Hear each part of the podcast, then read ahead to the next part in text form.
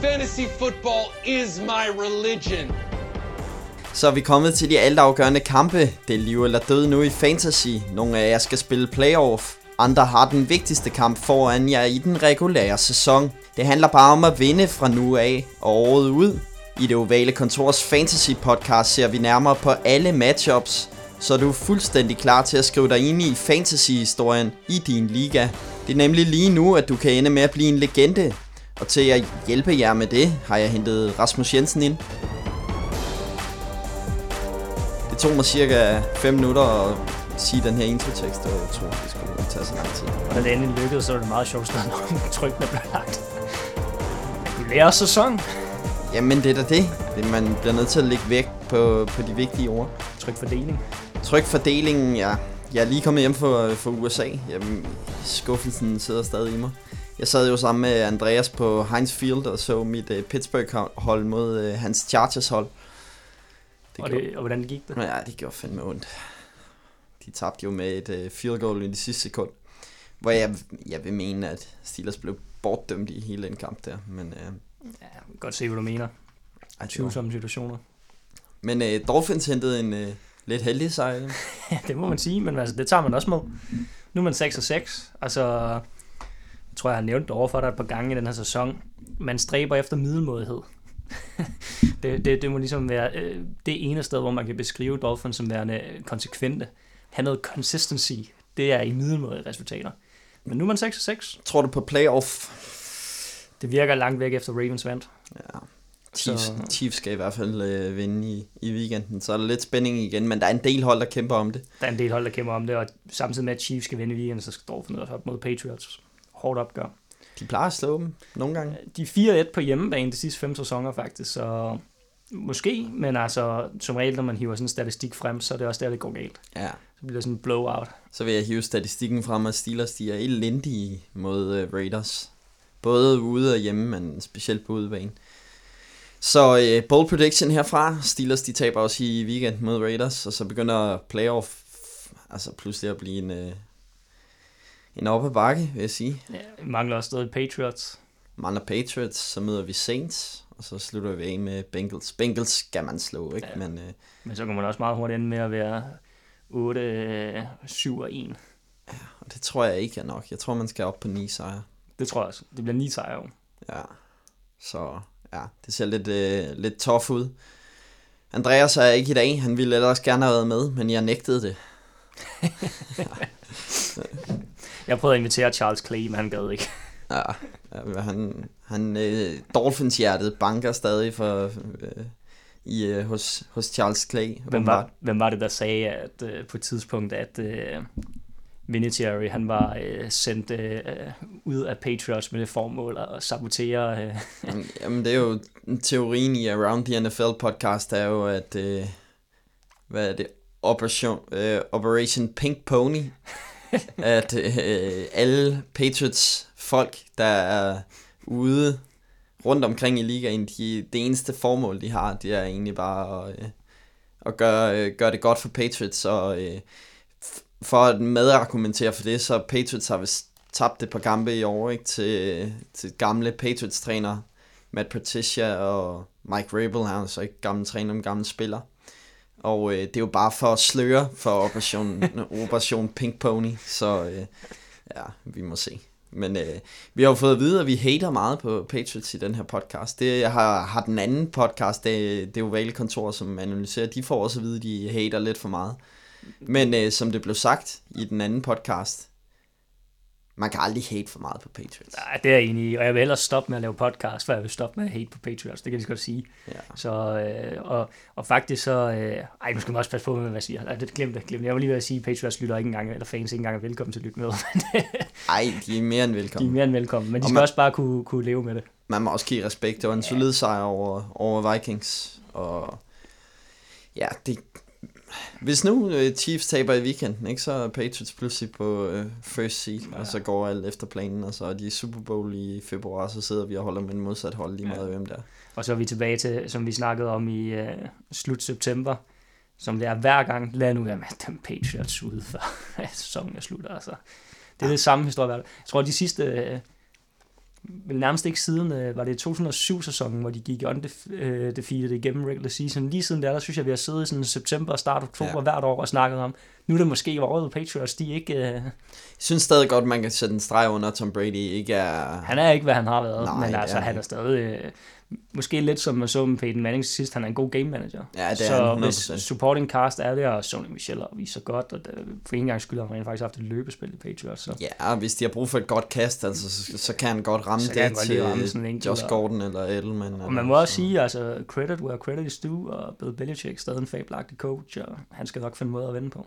Men det er jo ikke os, der skal sidde og sige det, fordi vi ser jo kun på fantasy stats, Lige og der, der, der, er han altså noget efter Tom Brady. Der, der er han ude der er han ikke længere relevant. Starter du Tom Brady i weekend mod uh, Dolphins? Det gør jeg ikke. Selvom man kan sige, at Dolphins er en af de hold i ligaen, der tillader flest kaste yards og kaste touchdowns, fordi de ikke har noget pass rush. Så lige sige, secondary er faktisk ret udmærket.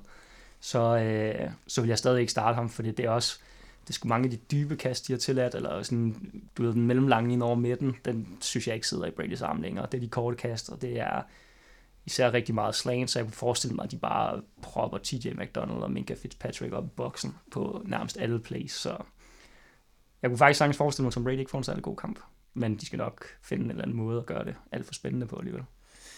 Alternativ kæmpe blowout. ja. øh, men i dag, der ser vi altså nærmere på, på matchups. Det, øh, det bliver det hoved, hovedfokus, fordi øh, normalt har vi en hel masse punkter, vi skal igennem. Det har vi faktisk ikke i dag. I dag har vi, vi taler lidt nyheder og waiver som altid, og så går vi altså i, i dybden med matchups, fordi det er nu, det er altafgørende at sætte det rette hold. Du er selv i playoff, men du, du spiller ikke i, i den her uge. Du har bye week. Jeg har bye week, og øh, det kommer som kaldet for himlen, for det er en af de ting, vi kommer lidt ind på, det er, hvordan skal man forholde sig til James Connors skade? Ja, og øh, inden vi lige går i gang med det, så kan I jo gå ind på gulklud.dk. Det er Europas førende NFL-site, det vil jeg sige. De øh, har analyser og nyheder omkring alt, og der skal I altså følge med derinde. Der er jo også Claus Helmings Momentometer og øh, hans spiltips, som øh, altid er en øh, hjælpende hånd til, hvad man måske ikke skal spille på. Det er, som man vurderer det. Men i hvert fald øh, gå derind, så husk også at spille med i DM i Daily Fantasy. Jeg skal være ærlig og, og sige, at så vidt jeg kan se, så er der færre og færre, der stiller op. Det betyder, at puljen bliver mindre, men det betyder også, at der er større sandsynlighed for, at du vinder alle pengene. Så gå ind og spil på det. Det er inde på Dynasty 2544's Facebook-side. Det koster 20 kroner at sætte et hold, og så har du altså chancen for at vinde hele puljen inde på lynholdet.dk. Og så skal I altså huske at abonnere på, på den her podcast. Det er jo Kontor. I får ikke bare fantasy-podcasten, I får også øh, den mere analyserende podcast, der ser mere på NFL og ikke så meget på, på fantasy. Men lad os bare se på det. James Conner, han er ude i weekend med Oakland Raiders, har de allerede meldt. Hvilken, ja. hvilken øh, betydning får det? Jamen for mig ikke den store. Jeg har bye week, som sagt. Øh, lad os bare øh, lige sådan holde det ved det et kort øjeblik. Det er imponerende nok i sig selv. Øh, men med det sagt, så er det jo selvfølgelig øh, det kritisk. Nu er det Samuel, Samuels, man må heller huske S'et. Det, han er vel den eneste, der har et S efter Samuel i ligaen. Samuels. Det der er vist faktisk en øl fra Boston, der hedder Sam, det? Samuel Smith. Jeg fik godt nok smagt en del øl over i... Uh, ja, det var faktisk mest i Cleveland. Vi var lige et smut i Cleveland, det er godt nok. Altså byen er ligesom holdet. Det stinker langt væk. Det er virkelig ikke en imponerende by. Men, Factory uh, of Sadness. Men uh, selve, selve den bar, der, hvor vi var på, det var måske 10 grader, så vi sad med jakke på indenfor, fordi deres øh, ventilationssystem var gået i stykker. Jeg forstår ikke, hvorfor de ikke laver det. Men vi fik virkelig nogle gode, gode øl. Nå, det var James Conner, vi ja. taler om. Og James Conner, måske får han en øl. Han har i hvert fald ugen uh, off. Vi håber ikke Samuels får. Men, uh, men ja, hvad betyder det? Altså, man kan vist ikke diskutere, at uh, hvis ikke ligaens bedste, så en af ligaens bedste linjer, den er i Pittsburgh. Weekenden er den selvfølgelig i Oakland og, og dem har de haft nogle problemer med. Jeg tror, at, som du siger, det kunne godt blive en kamp, hvor Raiders måske kunne tage en sejr. Ja, det, det tror handler jeg. i hvert fald for Steelers om at etablere løbespillet, hvis... Øh... Jeg vil sige det sådan, jeg vil stadig starte alt Steelers offense minus Big Ben. Jeg tror ikke på, jeg tror Big Ben får det, øh, jeg tror han laver nogle dumme ting. Det, jeg tror heller ikke på Vance McDonald længere. Mens McDonald, jamen, han får stadig targets. Han har nogle øh, mærkelige drops. Han har haft øh, et par halvskidt uger, men jeg starter ham i weekenden, og jeg starter også Antonio Brown, Juju. Og så starter jeg Jalen Samuels, men det er værd at skrive ned, at Steelers... Jeg synes, Steelers i de senere år er gået lidt væk fra det, men de vil gerne have rutine ind frem for unge spillere, så jeg tror også, Stefan Ridley kommer til at få en del på, på running back, så i det helt dybe liga vil jeg også samle Ridley op. Mm. Øh, men ellers så er det Jalen Samuels. Han er rigtig god i kastespillet, og øh, derfor kommer han til at være meget Jeg tror 100% på Jalen Samuels. Det er, det er Samuels, øh, vi skal have i spil her. Så øh, lad os se. Altså, en monsterkamp mod Raiders, hvor meget betyder den? Hvis Connor han er ude en uge mere, så kan det godt være, at der måske også nogle ting, der ændrer sig på depth chart. Det går ikke særlig godt i, øh, i Pittsburgh BT. De har tabt to kampe i streg, men et sted, hvor det går endnu værre, det er i Cincinnati. Nu er AJ Green også ude de næste 3-4 måneder, siger de, med en øh, togskade. Det betyder, at han ikke spiller mere i år. Er der nogen alternativer til AJ Green i Bengals? Ja, så Tyler Boyd er jo formentlig optaget sådan hele vejen rundt. Øh, og jeg synes stadig, at Tyler Boyd har et lok, måske bare endnu mere nu, fordi at, øh, nu er der måske ikke så mange andre til at modtage bolden for Jeff Driscoll. Øh, så, øh, så han er selvfølgelig oplagt. Måske skal vi have Ross tilbage på banen? Nej, det skal vi ikke. jeg argumenterer stadig for John Ross i den sorte bog, men øh, skrev vi ham egentlig ind? Til... Det, det kan jeg faktisk ikke engang huske. Nej, det kan jeg heller ikke huske. Det tjekker jeg lige op på. Men, øh, men altså, man kan sige, det der kunne tale lidt for John Ross, det er, at han har noget fart. Han, han kan i hvert fald bringe, jeg ved ikke, om han har meget andet end fart, det er så det, man altid kan diskutere. Han har i hvert fald nok ikke hænder. Men, øh, men han har noget fart, og... Øh, John Ross, han står i en sort bog. Ah, pis, man. Det var mange gange, han snart blev sat. øh, anywho, øh, Rustafer.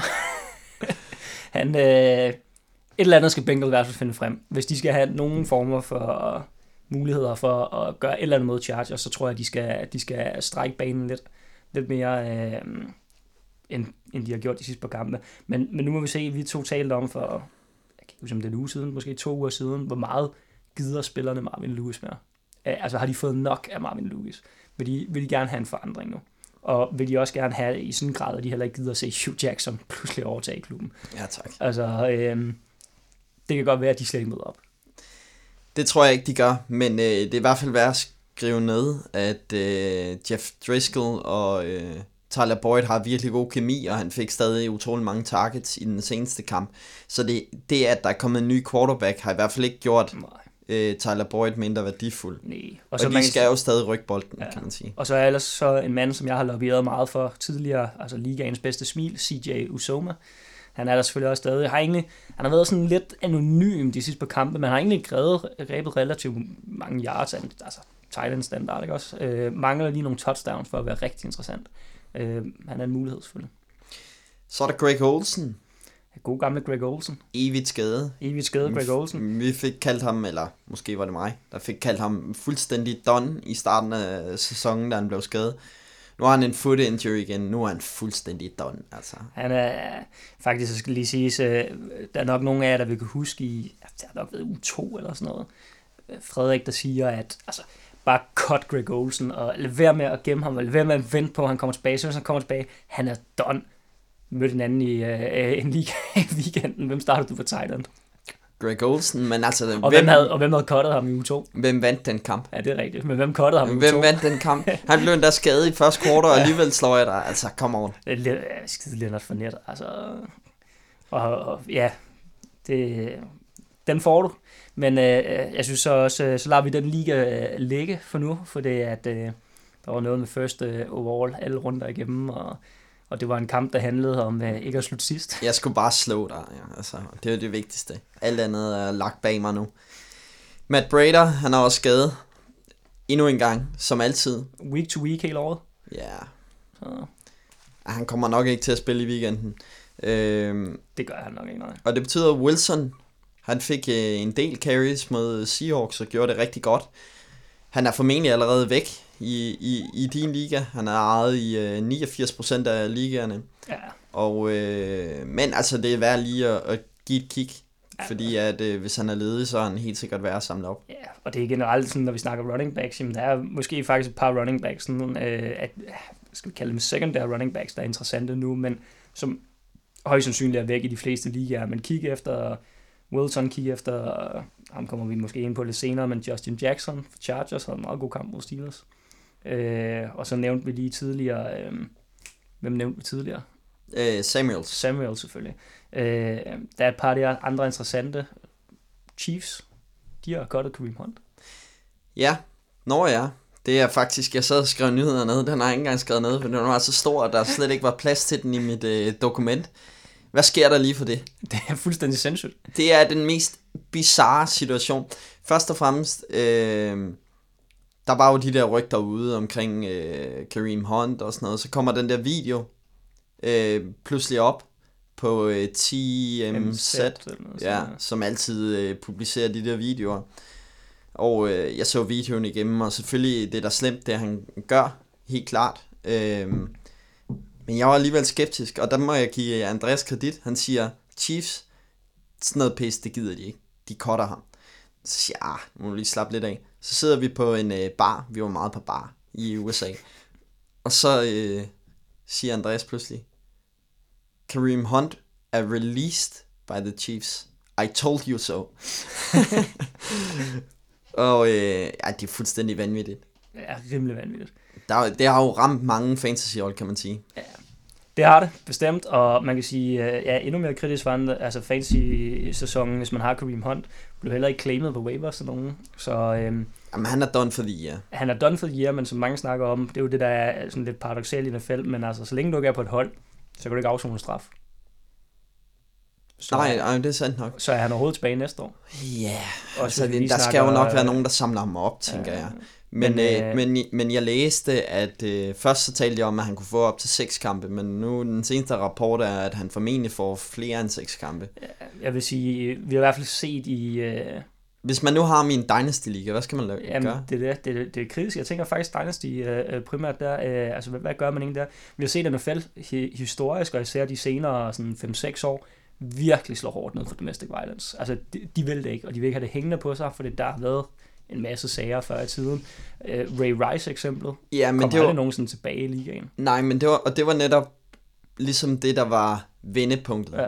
Øh, fordi Ray Rice fik jo kun én spilledags karantæne, men, men der var ikke nogen, der samlede ham op. Der var ikke nogen, der samlede ham op. Nej. Og kan vi komme, potentielt se det samme med Kareem Hunt? Jeg tænker, at den her er mildere. Dels på grund af den video. Mm. Nu ved jeg ikke, om du kan huske videoen med Ray Rice, men han overfalder hende jo i elevatoren, og han ender med at slæbe hende ud af elevatoren. Jeg kan godt huske videoen, men vil du høre en funny fact? Ja. Den kvinde og Ray Rice, de er gift i dag og har to børn. Ja, og de holdt, og holdt et pressemøde. Og jeg tror, det er det, der er afgørende. Fordi Kareem Hunt, selvom man kan diskutere måden, han havde et pressemøde efterfølgende i, øh, i søndags, hvor han undskyldte øh, for lodde og alt det der. Men han får den på en eller anden måde lukket bedre. Ray Rice sad på et pressemøde med kvinden, hvor det var kvinden, der på en eller anden måde undskyldte. Så, ja. Han fik den ikke lukket på nogen måde. Og jeg tænker, Kareem Hunt har mere pot- potential, end Ray Rice havde. Han ja. var trods alt i, øh, i efteråret. Ja.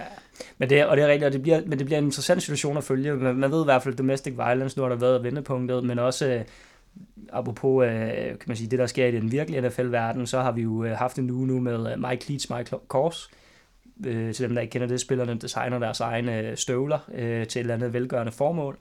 Og det er sådan noget, altså jeg så lige, det er sådan over 40 procent af alle de formål er mod øh, domestic violence. Så det er virkelig altså noget, der har været op at vinde i senere tid i NFL det kan godt få stor betydning for hans karriere fremadrettet. Det kan godt få stor betydning, men jeg spår alligevel, at han bliver signet i free agency, og så det hold, som signer ham, kører en eller anden kampagne ja. hele året frem mod sæsonen, hvor han laver alt muligt ja. velgørenhed og sådan noget, for at sætte ham i en bedre position, for ligesom også at, at dække dem ind. Øhm, så jeg tror stadig, han er aktuel. Han er stadig aktuel, men mit bud, bedste bud er, han spiller ikke i 2019 det er måske et meget godt bud. Det kan sagtens være, at han også får øh, et års karantæne ja. fra, fra NFL.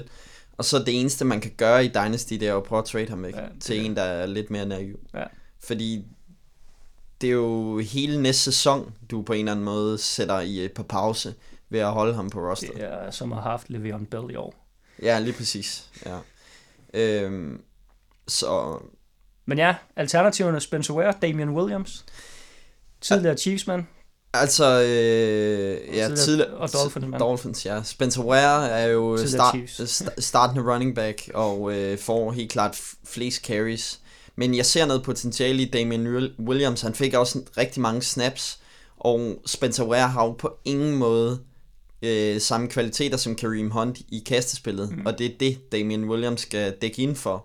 Og da Chiefs ofte står i shotgun formation med øh, Pat Mahomes, så tror jeg helt klart, der er noget værdi i Damian Williams. Ja, men jeg tror, også, jeg tror personligt også på Damian Williams. Øh, mange Dolphins-fans var egentlig farvet over, at man lå ham gå. Man havde signet ham til en af de her restricted free agent tenders. Øh, og øh, så kom Chiefs tilbød en kontrakt, og den ville man ikke matche, og så lå man ham sådan set gå, og Chiefs har egentlig ikke brugt ham indtil nu i den her sæson. Så man undrer sig også lidt over at vide, hvorfor Chiefs egentlig vil lære ham, men altså... Hvem havde set at Kareem Hunt blev cuttet? Nu, nu står vi her i situationen, og jeg kunne også sagtens se noget mere durability i Damian Williams. Spencer Ware har også tidligere haft lidt skavanker og sådan noget, og kunne godt, øh, og fumbles og sådan noget, som jeg lige husker det umiddelbart, så se hvor lang lunden er for Spencer Ware. Jeg tror i hvert fald, jeg tror muligvis, det er mere Spencer Ware i, i weekenden, for det bliver Ja. ikke en high-scoring kamp øh, mod, mod et stærkt Ravens defense.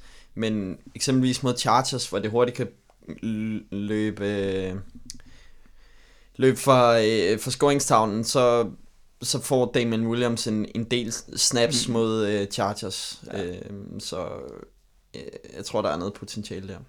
Og Damian Williams er noget mere ledet i øvrigt i de fleste ligaer. Ja, klar. Så det er værd at give ham et kig. Så har man også øh, den kommende weekend til ligesom at se, hvad han leverer. Ja. Øhm, Redskins quarterback situation. Ja, fy for pokker. Det, jeg kan vide, hvad oddsene er for at have to quarterbacks, der går ud for sæsonen med en benskade. Ah. Altså, det er brækket ben for begge parter. Jeg så vores gode ven uh, Pro Football Doc. Han kaldte den ret hurtigt, Mm. at det er bare en uh, contusion. Uh, og han er tilbage igen på banen lige om lidt. Uh, og det blev han jo savet over, så han måtte ud og forsvare, at nogle gange rammer han forkert og alt det der. Men uh, det så jo heller ikke særlig slemt ud, men han kunne ikke rigtig støtte Nej. på, på benet, Colt McCoy. Det betyder, at det er Mark Sanchez, Mark Og det- Sanchez. og det Butt fumble. butt fumble, og det, det, det lukker jo fuldstændig ned for Redskins. Altså. Ja, man må, man må antage, at de bliver rimelig endimensionelle nu. Altså, hvis der skal ske noget, skal det formentlig gå igennem all day. Det er nok ikke svært at regne ud. Uh, man så måske skal sætte lidt flere boksen til run defense. Jeg tror sgu ikke, Mark Sanchez åbner op for noget som helst. Altså, Altså, det, det øger ikke værdien for nogen. Det, Nej. det, det ødelægger faktisk værdien for alle. ja, jeg vil også sige, det er, det er et skidt tidspunkt at have Redskins uh, offensive spillere på. Og også defense. Ja, Ja, fordi det, defense det kan er- give dem utrolig mange situationer, hvor øh, turnovers vil Mm. putte Redskins defense i en meget svær situation. Ja, og man kan også sagtens forestille sig, altså, vi kommer til at se uh, et hold gå free and out som aldrig før. Uh, mange punts langt nede fra gode udgangspunkter for modstanderen, og rigtig meget spilletid for defense. Så overgiver man sig til sidst. Man, man kan ikke blive ved.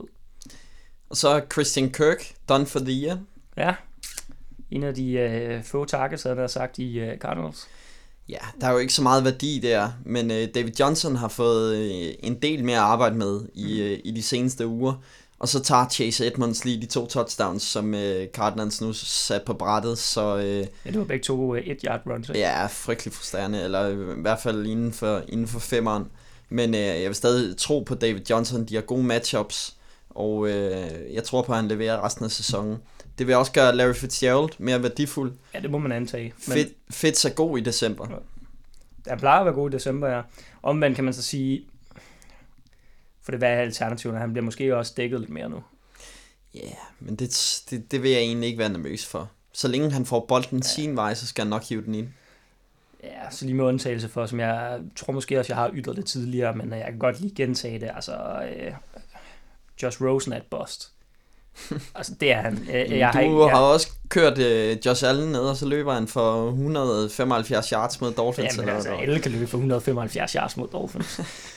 Udover at være virkelig dårlige i uh, pass defense, så er de også virkelig dårlige i run defense. så, øh, så det er ikke imponerende.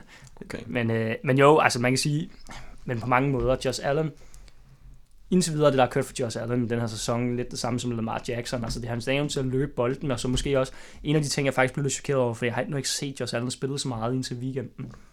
Man bliver faktisk overrasket over hans størrelse taget i betragtning, hvor hurtig han rent faktisk er. Han har virkelig noget fart.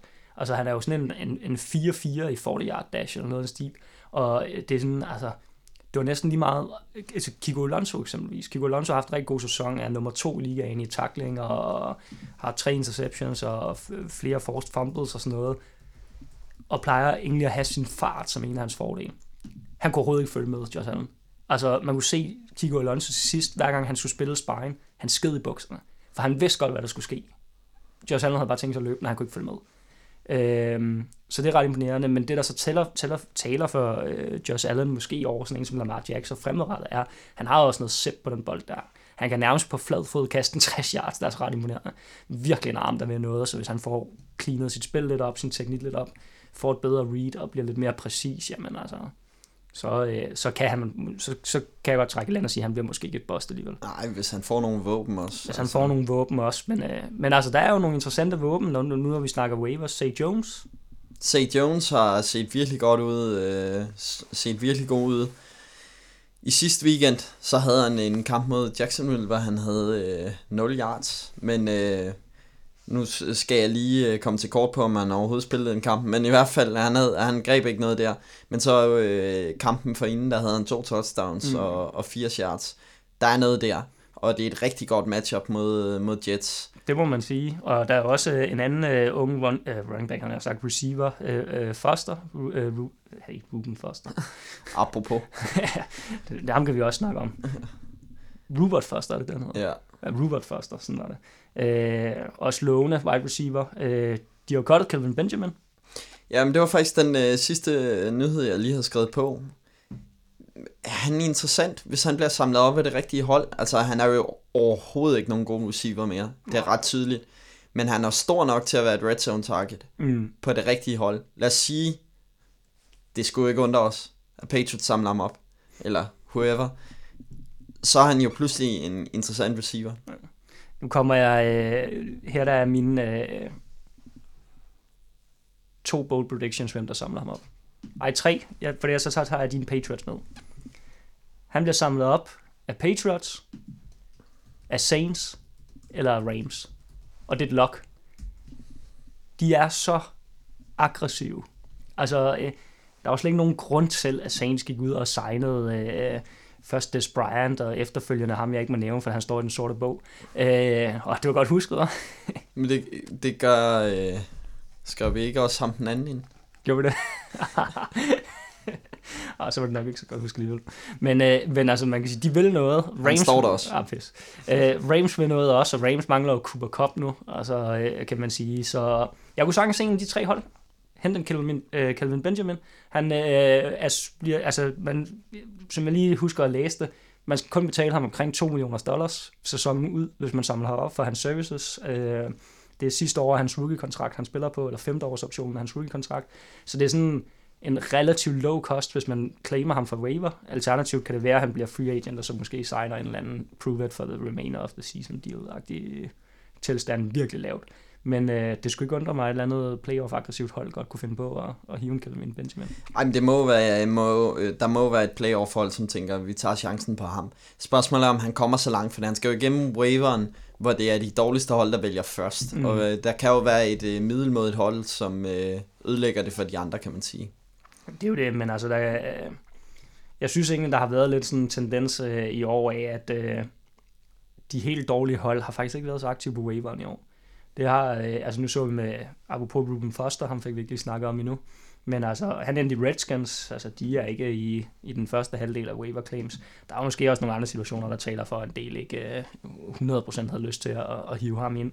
Men stadig, altså på papiret, et første rundevalg, der stadig har fire år tilbage, eller tre et halvt år tilbage af sin rookie-kontrakt, med relativt lave penge, øh, i en liga, hvor man i forvejen mangler øh, gode middle linebackers mod kasterspillet. Mm. Jamen, sagtens se andre sæt chance. Jamen, jeg kan sagtens se det. Altså, jeg kan også se Coles, eksempelvis, der mangler, øh, de, de bliver nødt til hele tiden at target Eric Ebron mm. i, i red zone, og de vil gerne, åbenbart Andrew Luck, vil gerne gå efter de der store øh, i, i red zone, så måske kunne han være interessant ja. der. Så øh, det bliver spændende at se, og han er i hvert fald værd at holde øje med, synes jeg. Øh, hvis vi lige hurtigt, vi nævnte Justin Jackson øh, på waiver pickups, os bare tale lidt om Justin Jackson. Vi kaldte den i sidste uge, hvor jeg sagde, at øh, det kan godt ske, at vi ender i en situation, hvor Justin Jackson får bliver den der first and second down running back, og så også den Eckler bare holder sin rolle. Chargers udgangspunkt var at, at køre med Eckler, og det fungerede ikke. Og så sætte de Justin Jackson ind i anden halvleg, og han løb jo Steelers over. Jeg kunne sagtens se, hvis det store spørgsmål er, om Melvin Gordon allerede kommer tilbage. Men hvis ikke han kommer tilbage, så får Justin Jackson en øh, markant rolle mod Bengals, mm. som er forholdsvis nemme at løbe bolden med. Ja. Så der er noget der. Så er der Antonio Callaway fra Cleveland Browns. Han får stadig mange targets. Han havde øh, øh, pointmæssigt fantasy en dårlig kamp, fordi at han havde en fumble. Men øh, han, han er stadig produktiv. Og øh, Browns, de kaster bare bolden hele tiden. Altså. Ja. Baker Mayfield, han er en gunslinger. Det er han i høj grad. Altså, jeg, jeg kan ikke huske, var det 450 yards, noget den stil, han havde i weekenden, på trods af så tre interceptions, og de tabte den her kamp, men der blev med at kaste nogle bolde rundt. Ja, altså han er ikke bange for at sende ned ad banen, og det er kun godt for Antonio Callaway, som øh, er begyndt at, at vise noget potentiale. Så har jeg skrevet Kenneth Dixon på. Øh, hvis man så Ravens mod, mod Falcons, så er Gus Edwards jo selvfølgelig deres øh, første mand. Men Kenneth Dixon fik en del carries, og øh, jeg kunne godt se de carries blive increased fremadrettet. Også fordi Gus Edwards viser gode ting, men han kommer ikke med de der store plays. Og der tror jeg, at de ser et større potentiale i øh, Kenneth Dixon. Det er utroligt så meget, du altid har elsket Kenneth Dixon. Jamen, jeg ved ikke. Det, ja, det må husker... Ravens jo også gøre, fordi han har virkelig været meget ude, siden ja. han blev draftet. De har ham jo stadig. Jeg kan bare huske, at for flere sæsoner siden, du hentede ham altid ind i fantasy, og han var stashet på bænken, og sad der og varmede den godt, og uh, i næste uge, så er det Kenneth Dixon. bare, bare vent. Nu, nu får han sit gennembrud Kenneth Dixon, og så vil du være ærgerlig over ikke at have ham på, på dit fantasy-hold. Og så er der running back situationen i uh, Los Angeles Rams. De har jo selvfølgelig Todd Gurley. Men uh, Brown skadet. Ja, Malcolm Brown er skadet. Det efterlader dem med, med to running backs. Det er lidt uklart, hvem de kommer til at satse på. Øh, de har John Kelly, som de to øh, forholdsvis højt i, i draften i år. Og så har de Justin Davis. Ah, var han ikke første 6. runde, vel? Øh, jo, det kan godt være, han var i 6. runde, vel? Nu, det vil jeg tjekke op på. Men de har i hvert fald to running backs. Og de kommer til at bruge en af dem. Spørgsmålet er bare, hvilken. Ja. Og endnu mere, så kommer de til at... Øh, de er jo i en situation nu, hvor de har first seed. Og hvis Saints dummer sig igen, så er first seed næsten locked, mm. hvis altså de kan slå Bears. Og så kan man godt, ja, det er et 6. rundevalg, så kan man godt se en situation, hvor Todd Gurley bliver sparet i, i de sidste Ja, det kan man nemt, for man kan sige, efter Malcolm Brown er blevet skadet, så det eneste, der ikke måske nu, det er, at Todd Gurley bliver skadet. Det bliver katastrofe, øh, katastrofe for dem, hvis, hvis det gik hen og skete. Og der er mange, der har stakket uh, Malcolm Brown på holdet på grund af det. Øhm, og han skal bare ud nu. Han er på IR. Lige præcis. Så, så... Davis eller Kelly, hvem man tror mest på. Personligt hælder jeg til, at det bliver Davis. Personligt hælder jeg til, at det bliver Kelly. Men vi får se. Ja. Øhm, jeg tror ikke, Malcolm Brown er på IR, men han er på IR fantasy-wise, for han kommer ikke til at spille Ej. mere i regular season. Nå, vi skal kigge lidt på matchups. Lad os bare blive ved Rams Bears. Vi kommer til at køre det sådan, at vi taler lidt om øh, hver enkelt kamp. Vi taler om, øh, hvem man skal starte, hvem man skal bænke, og så tager vi lige en diskussion om en spiller, om man skal starte eller bænke ham. Hvad er dit øh, umiddelbart view af Rams Bears? Jamen, øh, først og fremmest, så tror jeg, det, det er en af de der kampe, der går i to retninger. Enten så ender det med at blive et vanvittigt interessant opgør. Fordi du har Bears, der er 8-3, og øh, som øh, egentlig ikke er ude af bye øh, opgøret endnu, altså at kunne tage bye i øh, wildcard-runden af playoff. De har sgu noget at spille for. Trubisky er formentlig tilbage, det er der mange, der mener, han er. Øh, lugter de blod, spiller de lidt over evne. De har et vanvittigt godt defense, især run defense er virkelig godt. Ligaens bedste run defense.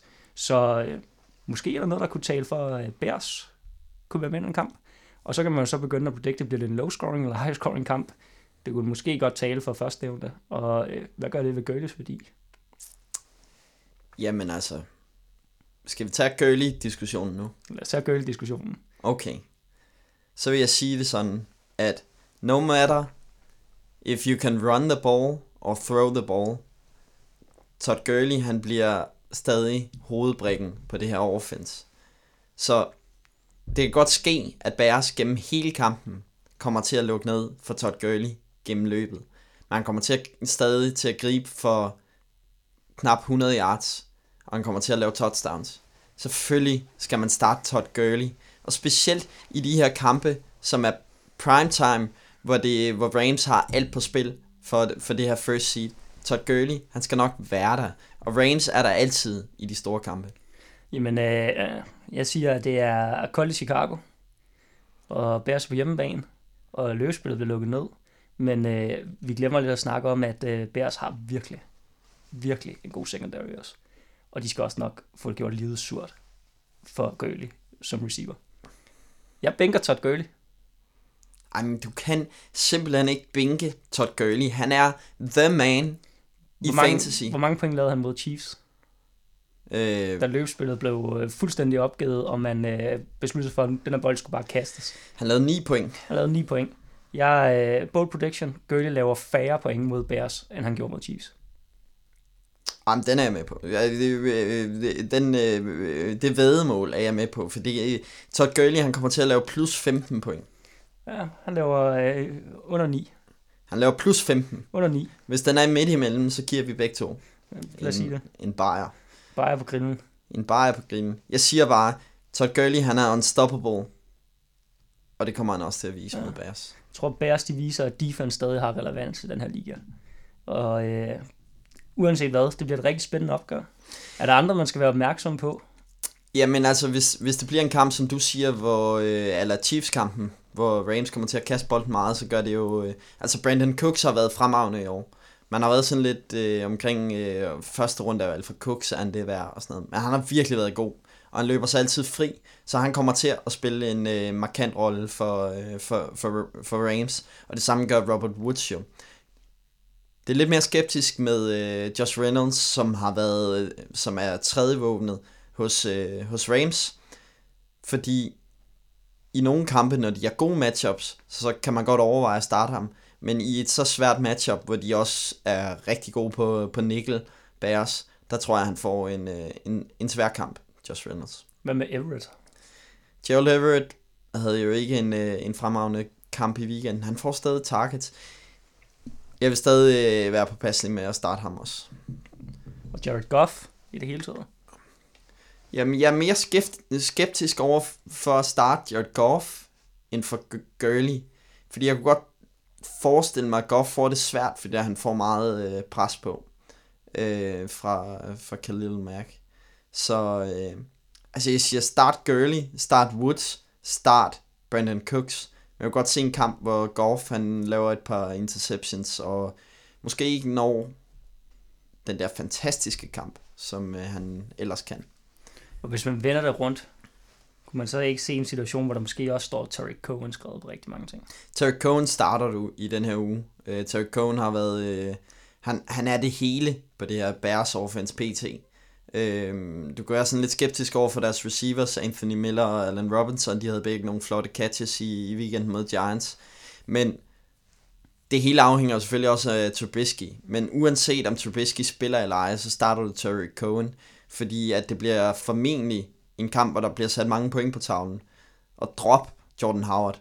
Vi starter Terry Cohen. Enig der. Meget enig. Øh, hvad med receivers? Det, det helt afhænger af Ja, det- Trubisky. Af quarterback-situationen, og så øh, vil jeg sige, jeg hælder mest til Miller, hvis den skal være en receiver for Bears. Det gør jeg også. Starter man øh, de to forsvar? Ja, og det er jo så det der spørgsmålet, for det, det altså, det her det kommer til at lyde idiotisk. Enten så øh, bliver det en low-scoring kamp, enten bliver det en high-scoring kamp, eller også bliver det Rams, der kører Bears over. Men så har vi næsten også dækket alle muligheder. Jeg vil sige det sådan, hvis det bliver en high scoring kamp, vil jeg alligevel starte Rams offense, fordi så skal defense nok lave nogle store plays. Ja, Så er de simpelthen for meget på banen til, at øh, ikke at, Aaron Donald, altså så det sack på øh, Matthew Stafford, ja. så blev kampafgørende. Altså, han er jo for vanvittig. Men spørgsmålet er, om det kan opveje for de minuspoint, der kommer ved at, at lukke en masse point. Det tror jeg, at der er en grund til, at Rams er et af de mest scorende defenses i øh, fantasy. Det er jo fordi, de laver så mange store plays. Ja. Øh, omvendt vil jeg være lidt mere skeptisk over for Bears. Men hvis man har Bears defense, og man har stolet på dem hele sæsonen, så skal man også stole på dem nu. Ja, jeg vil også stole på dem nu. De er vist også stadig ligaens mest sco- scorende defense.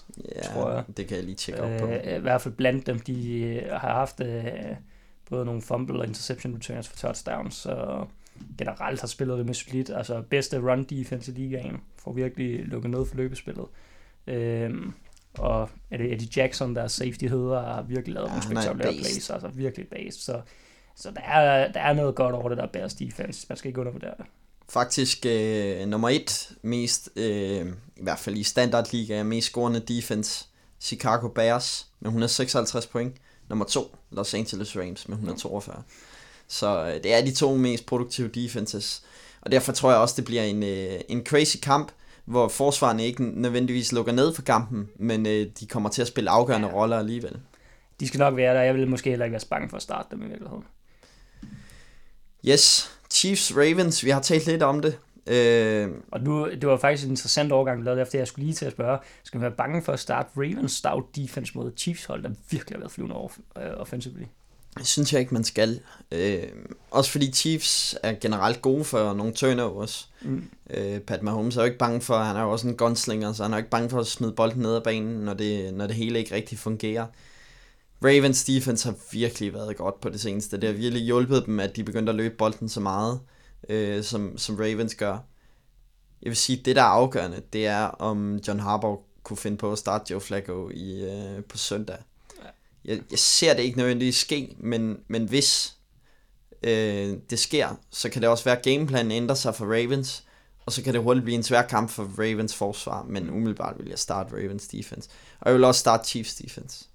Men uanset om Joe Flacco eller Lamar Jackson starter, så starter man altså godt et West nu. Ah, skal vi tage den snak der? Så vil jeg godt sige, at det gør man ikke. Man starter godt Edwards, Gus Edwards nu. Det bliver en kamp. Han har vist nok. Jeg vil sige, Gus Edwards store problem er, at han laver ikke store plays. Altså, han, han løber bolden, og han løber bolden for 5 yards på alle carries og sådan noget. Men det nytter ikke noget at have en running back, der løber for 75 yards uden touchdowns, altså. Men det er kun fordi, at du sidder og taler Kenneth Dixon op. Altså, Kenneth Dixon, og de giver øh, spilletid til Ty Montgomery. De splitter den meget ud. Jeg tror, Gus Edwards, han kommer ikke til at få utrolig mange øh, carries i den her kamp. Jeg tror, det bliver meget mere lige fordelt. Og øh, det er Kenneth Dixon. Jeg siger, start ikke Gus Edwards mod øh, men Ravens. start Kenneth Dixon. Eller mod Chiefs. Ej, jeg er også skeptisk over for at starte Kenneth Dixon. Det bliver Åh, en men- mærkelig kamp. Det bliver en, det bliver en svær kamp at spå om. Fordi øh, ligesom øh, Rams Bears, jeg vil faktisk sige, at der er større sandsynlighed for, at Rams Bears bliver en høj, high scoring kamp, end at Chiefs Ravens. Ja, Jeg kunne også sagtens se, at Chiefs Ravens blev en low-scoring kamp. Det, altså, den kunne godt gå ind og blive også, som du så siger, en mærkelig kamp. Eller en mærkelig kamp, hvor du først og fremmest ser en masse turnovers, men ikke sådan en klassisk. Jeg kunne sagtens at det er sådan en mærkelig turnovers. Og, øh, lad os kalde nogle predictions. Jeg siger, at der kommer to blocked field goals, og der kommer et par blocked punts, og Terrell Sox får nok sin anden interception øh, i sæsonen, og der kommer til at ske mærkelige ting i den kamp. Det, det lugter lidt af det. Starter man Pat Mahomes? Jeg vil være påpasselig. Fordi som sagt, altså, det kunne godt gå hen og blive en low-scoring kamp. Men jeg Jeg, godt... hælder, jeg hælder faktisk til, at Ravens vinder den kamp. Det gør jeg også. Altså, øh, Ravens vinder den kamp, og det, og det skulle ikke undre mig, at sådan noget, så vinder de 17-14. Og de øh, to touchdowns, som øh, Chiefs de får, så øh, er det ene Dam- Damian Williams run, og det andet er et eller andet dump off til Spencer Ware. Får vi begge de running backs i spil. Øh, så laver Pat Mahomes øh, 12-14 point eller noget den stil, og det er ikke godt nok.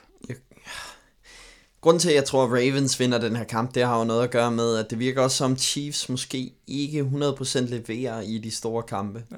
Og øh, det er jo en vigtig kamp for Chiefs, det her. Men jeg tror alligevel, Pat Mahomes, han skal nok tage, tage holdet på sine skuldre. Og øh, det gode ved fantasy er, at selvom han kaster tre interceptions, så kan han jo også kaste fire touchdowns og alligevel få en hel masse point. Jeg vil godt se en kamp eller det. Øh, Jeg tror du, vi kommer så højt op i antal point, der bliver sat på tavlen? Ja, jeg tror, jeg tror, der bliver sat point på tavlen. Jeg tror, der, øh, jeg tror godt, vi kan komme ind i 20'erne. Og øh, så Pat Mahomes. Det er også, man har stolet på, øh, du sagde det for et par podcast siden, stole på dem, I har stolet på hele Ja, sæsonen. stol på line-up. Ja, Det, øh, og det, ikke overtænkt den her. Altså, start Pat Mahomes, start Tyreek Hill også. Men jeg tror, du har ret. Det, Men vi er skeptiske omkring running backs i den her kamp. Ja, running backs, altså jeg, jeg synes ikke, man, det er for tidligt at predikte om øh, øh, er Spencer Ware den nye Kareem Hunt savior, er det Damian Williams, der kommer ind, altså den er for usikker Chiefs running back situation. Jeg hælder stadig til at starte Gus Edwards, må jeg indrømme, men øh, Bink Gu- Gus Edwards. gør hvad du føler for. Men øh, Gus Edwards skulle godt få 60-70 yards og TD. Jamen, han får ikke TD. Så Jamen, får han det- 60, så får du en running back, der har 6 point. Det er Det simpelthen er lige noget banken. Han kan jo ikke gribe. Nej, det er et stort problem. Men øh, Og lad os sige, at de kommer bagud med 10 point. Så er de nødt til at kaste bolden meget mere. Og så, så tager de ham ud, og så sætter de Ty Montgomery ind. Men det er så nok også det, der er min, øh, kan man sige, det er det der er min prediction. Jeg tror ikke på, at Ravens kommer bagud med 10 point. Okay. Jeg tror ikke på, at Ravens kommer bagud i den her kamp. Jeg tror, at Ravens, de, egentlig, de, de får styring på kampen, de skal malke noget tid, og så bliver Gus Edwards øh, brugt en del der. Alright. Eagles, Cowboys. Spændende opgør. Spændende opgør. Nu er der en hel masse på spil. Man kan sige, at Eagles lever stadig. Vi har dømt dem ud mange gange. Vi har dømt dem ind igen mange gange. Hvad skal vi efterhånden til at gøre? De lever i hvert fald stadig. Altså, det, det kører jo stadig ikke for Eagles. De spiller jo stadig ikke virkelig overbevisende. Men de har de seneste par uger har de fået gang i Golden Tate igen. Uh, Golden Tate fører ligaen i uh, yards after catch, uh, som kan blive afgørende. Men Jeg vil sige det på den her måde. det her, det bliver en lavt skårende kamp. Det bliver en lavskårende kamp.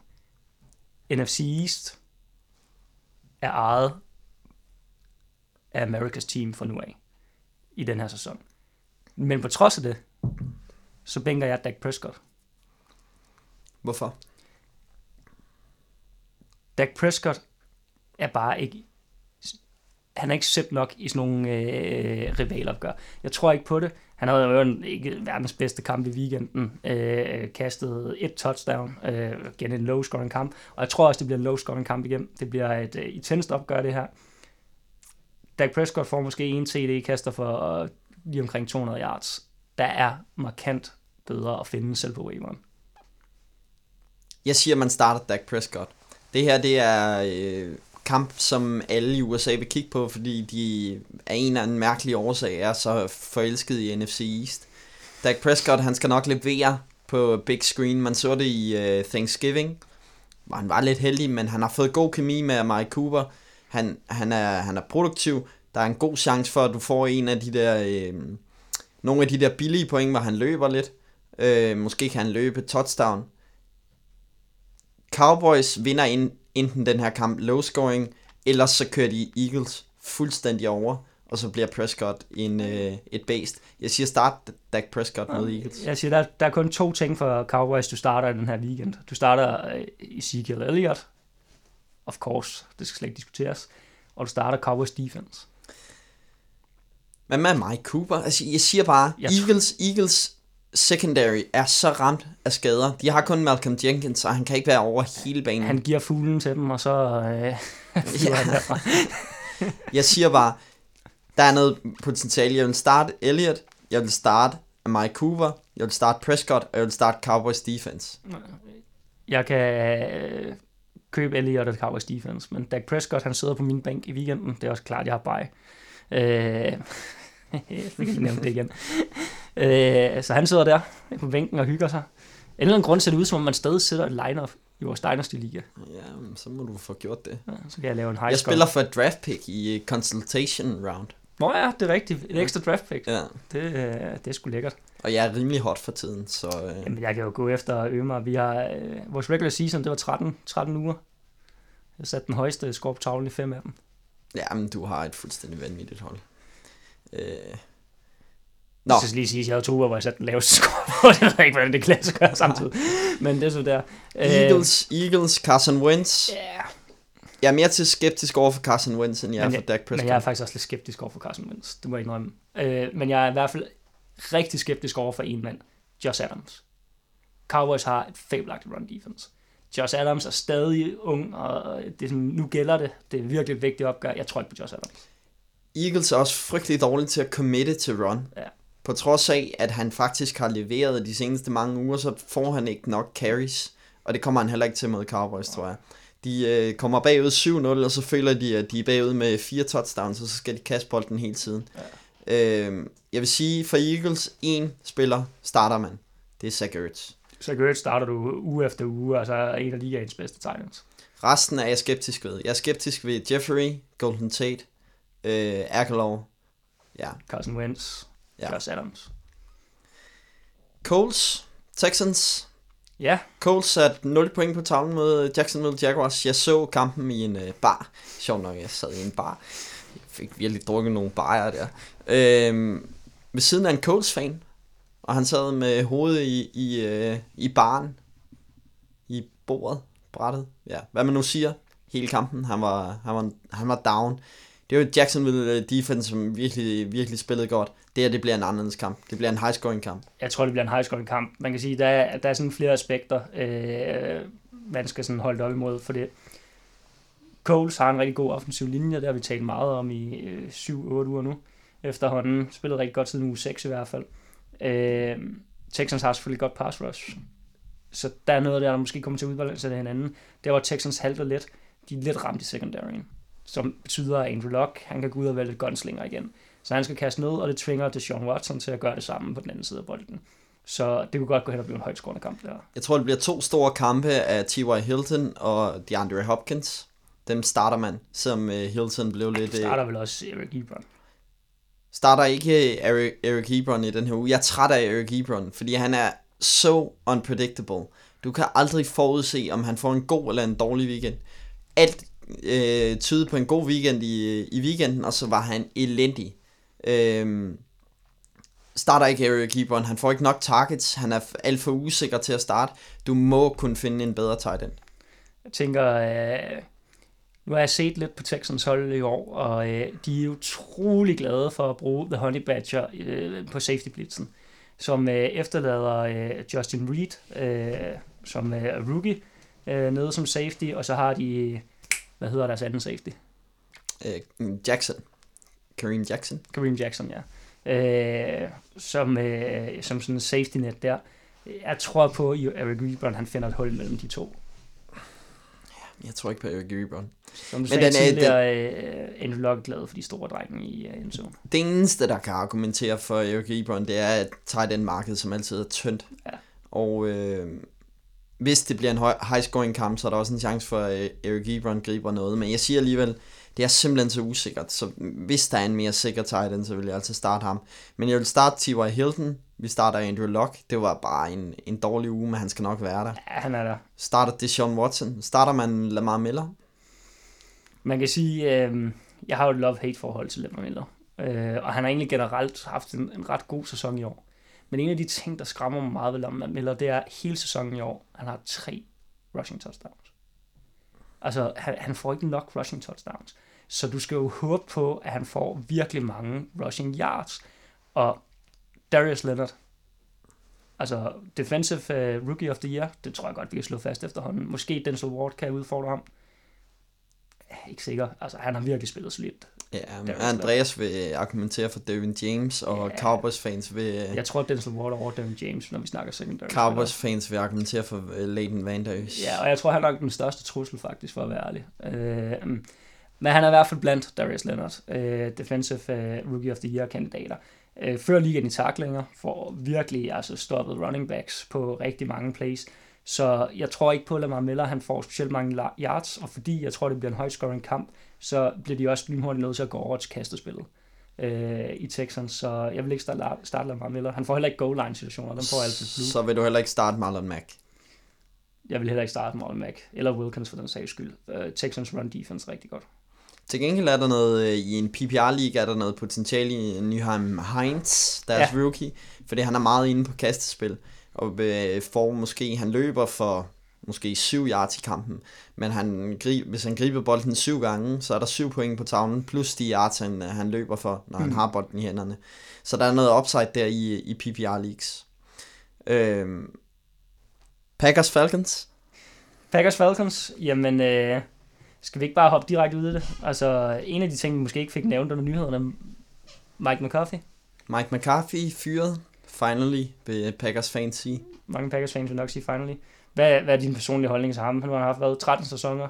vundet Super Bowl, tabt en Super Bowl, vist også. Jeg læste, at øh, der var en, Jeff Saturday, som spillede en kort tid i Packers, han siger, at Mike McCarthy han har kaldt de samme plays i hele perioden. Så holdet har ikke rigtig udviklet sig. Og det tror jeg, det, det må også være noget, man, man bliver træt af som Aaron Rodgers. Jeg så til gengæld en anden, der forsvarede ham lidt og sagde, øh, nu har han været øh, de der 13 sæsoner i, øh, i Packers, og de 12 af dem, der har han haft intet arbejde med. Altså der har mantra været, at vi bygger gennem draften, vi henter aldrig free agents. Og talent er kun gået en vej, og det er nærmest ud af døren. Og så får han en sæson, hvor man endelig henter lidt ind, men måske i virkeligheden ikke har ramt på alle dem, man har hentet ind. Har man måske også været for hård ved McCarthy? Nej. Jeg er egentlig enig. Jeg synes heller ikke. Så nu er det Joe Philbin tid. Joe Philbin, ham kender du rigtig godt. Ja, tidligere Dolphins. Jeg må faktisk indrømme, at øh, jeg så øh, hans indledende pressemøde, eller noget af det. Hvis der var én ting, jeg det mindste havde respekt for, så var det, han sagde, eller han blev spurgt, øh, hvad lærte du øh, gennem din tid som head coach i Dolphins? Så sagde han, alt det, man ikke skal gøre. Det har han i hvert fald ret i. Så det kan da være, at måske han finder et eller andet frem. Men, øh, men nok om det. Hvis vi lige skal tage det der opgør, så kan vi hurtigt blive enige om, i hvert fald sæsonen indtil videre har Packers ikke rigtig fungeret. Men du har mange gange i den her øh, sæson lobbyeret for en ny head coach, der kan betyde nogle ting. Øh, det kan give det her energiboost til et hold. Øh, vi ved, Falcons har heller ikke rigtig fungeret den her sæson. Det er to af de mest skuffende hold, der ja, står over for hinanden. Så Sarkisian, er det han hedder? Deres, Steve Sarkisian. Ja, deres offensiv koordinator. Jeg ved ikke, hvad det er med ham, men øh, han formår at gøre Matt Ryan dårlig. Altså, rammer intet i red zone. De er en af ligaens dårligste red zone hold. Øh, det, det er bare skuffende. Det ringer at se på. Og det, sådan det der med, ja, øh, Devonta Coleman har jo også været skadet, ja ja, men I, eller Devonta Freeman har også været skadet, men I har stadig Tevin Coleman og Ito Smith, og sådan, altså, kom on, I mangler bestemt ikke våben. altså, det, det er skuffende. Så hvad ja. er det for en kamp, man går ind i? Ja. Jamen, jeg, vil, jeg, vil, jeg vil sige det sådan, det eneste, jeg vil starte for Falcons i den her kamp, det er Julio. Jeg starter ikke Matty Ice. Matty Ice, han er, han er ice cold på, øh, på udebane. Altså, så længe han ikke spiller hjemme i Dome, og så spiller han endda også dårligt i Dome mod Ravens. Ja, altså. Men altså, jeg er, også, og jeg er enig i den betragtning, og, og så hvis vi skal vende den rundt, jamen, så vil jeg også gerne være uh, tro mod mit farråd for sidste uge. Så Aaron Rodgers, ham starter jeg heller ikke. Jamen, vi starter Aaron Rodgers, og det gør vi simpelthen af den årsag, at Aaron Rodgers han kommer med ny energi, med en ny head coach. Og han kommer til at få en stor kamp, fordi at øh, Aaron Rodgers han vil sætte en tyk streg under, at øh, det var det rette at fyre Mike McCarthy, og han vil ud og bevise, at der er mega meget potentiale i det her hold. Så du starter Aaron Rodgers. Aaron Rodgers han sidder og hygger sig på min bænk. Det er simpelthen skuffende at se det mod Cardinals. Altså, det, og jeg valgte det sidste uge. Han er done for sæsonen. Done for sæsonen. Jeg bygger ikke et playoff, playoff, playoff hold op omkring Aaron Rodgers. Start Aaron Rodgers. Start, øh, det var en til Adams, starter man. Det var en til Adams, kan man godt starte. For selvom Rodgers får en dårlig kamp, så kan det var en Adams stadig godt gribe touchdown. Så er der Aaron Jones. Starter man Aaron Jones? Det er et godt spørgsmål. Jeg kunne sagtens se øh, en ny approach, hvor man løber den mere. Man fandt ud af i tidligere på sæsonen, løbespillet fungerede faktisk rigtig udmærket. Og så gik man, og så gik man væk fra det igen. Ja. så øh, det vil ikke undre mig, at han skal nok få sine carries. Og så er det så spørgsmålet om, kan han gøre noget med de carries mod Falcons? Det tror jeg godt, han kan. Men det er vel også de eneste, man skulle, man kunne måske overveje sådan ud af posen og starte Packers forsvar. Det er en mulighed. De spiller i uh, Wisconsin. Det er koldt. Det snede faktisk i weekenden. Så uh, det er ikke usandsynligt, at der ikke bliver smækket vanvittigt mange uh, point på tavlen. Tevin Coleman, han løber ikke for mere end 20 yards i den kamp der. Nej, det kunne meget hurtigt være scenarie. Så det giver jo et uh, meget godt udgangspunkt. Det gør i hvert fald Falcons virkelig endimensionelle. Og derfor uh, værd at overveje, afhængig af, hvad det, hvilken øh, forsvarssituation du står i. Ja. Så er der Panthers Browns. Ja, jeg kan i hvert fald øh, hurtigt sige, at øh, Jarvis Landry, han er stadig, øh, han er stadig ikke øh, positiv i min bog. Men øh, han havde faktisk en meget god kamp. Men øh, som vi også snakker om, der var masser af yards, men ikke øh, så meget kærlighed i form af touchdowns. Jeg tror stadig mere på Callaway. Jeg siger, jeg siger at Jarvis Landry får en, øh, en rigtig stor kamp mod Panthers. Øh, jeg tror, det her det bliver en virkelig, øh, jeg tror, det bliver en virkelig, virkelig højt scorende kamp. Jeg tror, begge hold kommer til at sætte øh, omkring 30 point på tavlen. Der, derfor starter jeg også, selvfølgelig starter man McCaffrey, det gør man jo hver uge. Ja, man starter også Nick Chop. Starter også Nick Chop, øh, det er jeg enig i. starter også Cam Newton. Ja, yeah. Altså, selv Cam Newton, han var elendig mod øh, Buccaneers, havde fire interceptions. Han satte alligevel knap 20 point på tavlen. men Cam Newton skal også nok igen, han har muligheden for at løbe bolden, både i, øh, kan man sige, goal line situationer, men i det hele taget, han skal nok kaste på touchdowns, så jeg tror også, det bliver en højt scoret kamp. Ja, jeg tror, at den her kamp, det er den kamp, der bliver, øh, har størst chance for at blive virkelig, virkelig højt scorende. Mm. Der kommer til at, øh, som vi også talte om, Baker Mayfield, han er en gunslinger, Ja. og han kommer til at teste dybden. Og derfor siger jeg også, altså Jarvis Landry, starter også Jarvis Landry. Men starter du DJ Moore over for Denzel Ward? Jeg starter DJ Moore af den grund, at han har set virkelig godt ud, god ud øh, de seneste, øh, seneste par uger. Øhm, var, var ikke den mest vanvittige kamp mod Buccaneers, men han får stadig targets og spiller en, øh, en vigtig rolle, når han har skubbet øh, Funches væk. Funches fik godt nok touchdownet, men ja, DJ Moore. Jeg tror på DJ Moore også, fordi i, i sådan nogle kampe her, som bare lugter langt væk af, at der bliver sat utrolig mange point på tavlen, så tror jeg også, at, øh, at der kommer point til, til receivers. Øhm. Så ja, der er en del at starte her. I hvert fald øh, no-brainer ikke at starte nogle af de her forsvar. Mm. Chargers Bengals. Ja, ja, vi var jo lidt inde på dem tidligere med, hvad har Bengals efterhånden af våben. Altså, lad os bare få startet Tyler Boyd. Altså, det er godt nok Jeff Driscoll, men øh, jeg kunne sagtens se her kamp løbe op i et antal scoringer også, så der er ikke så mange andre våben. Jeg siger Tyler Boyd, han havde en god kamp i, i sidste uge. Han fik en del targets, men det var fordi AJ Green blev tidligt skadet. Så Texans havde forberedt sig på at slå røv. Det var ikke Texans, der mødte Bengals. Hvem var det nu, der mødte Bengals?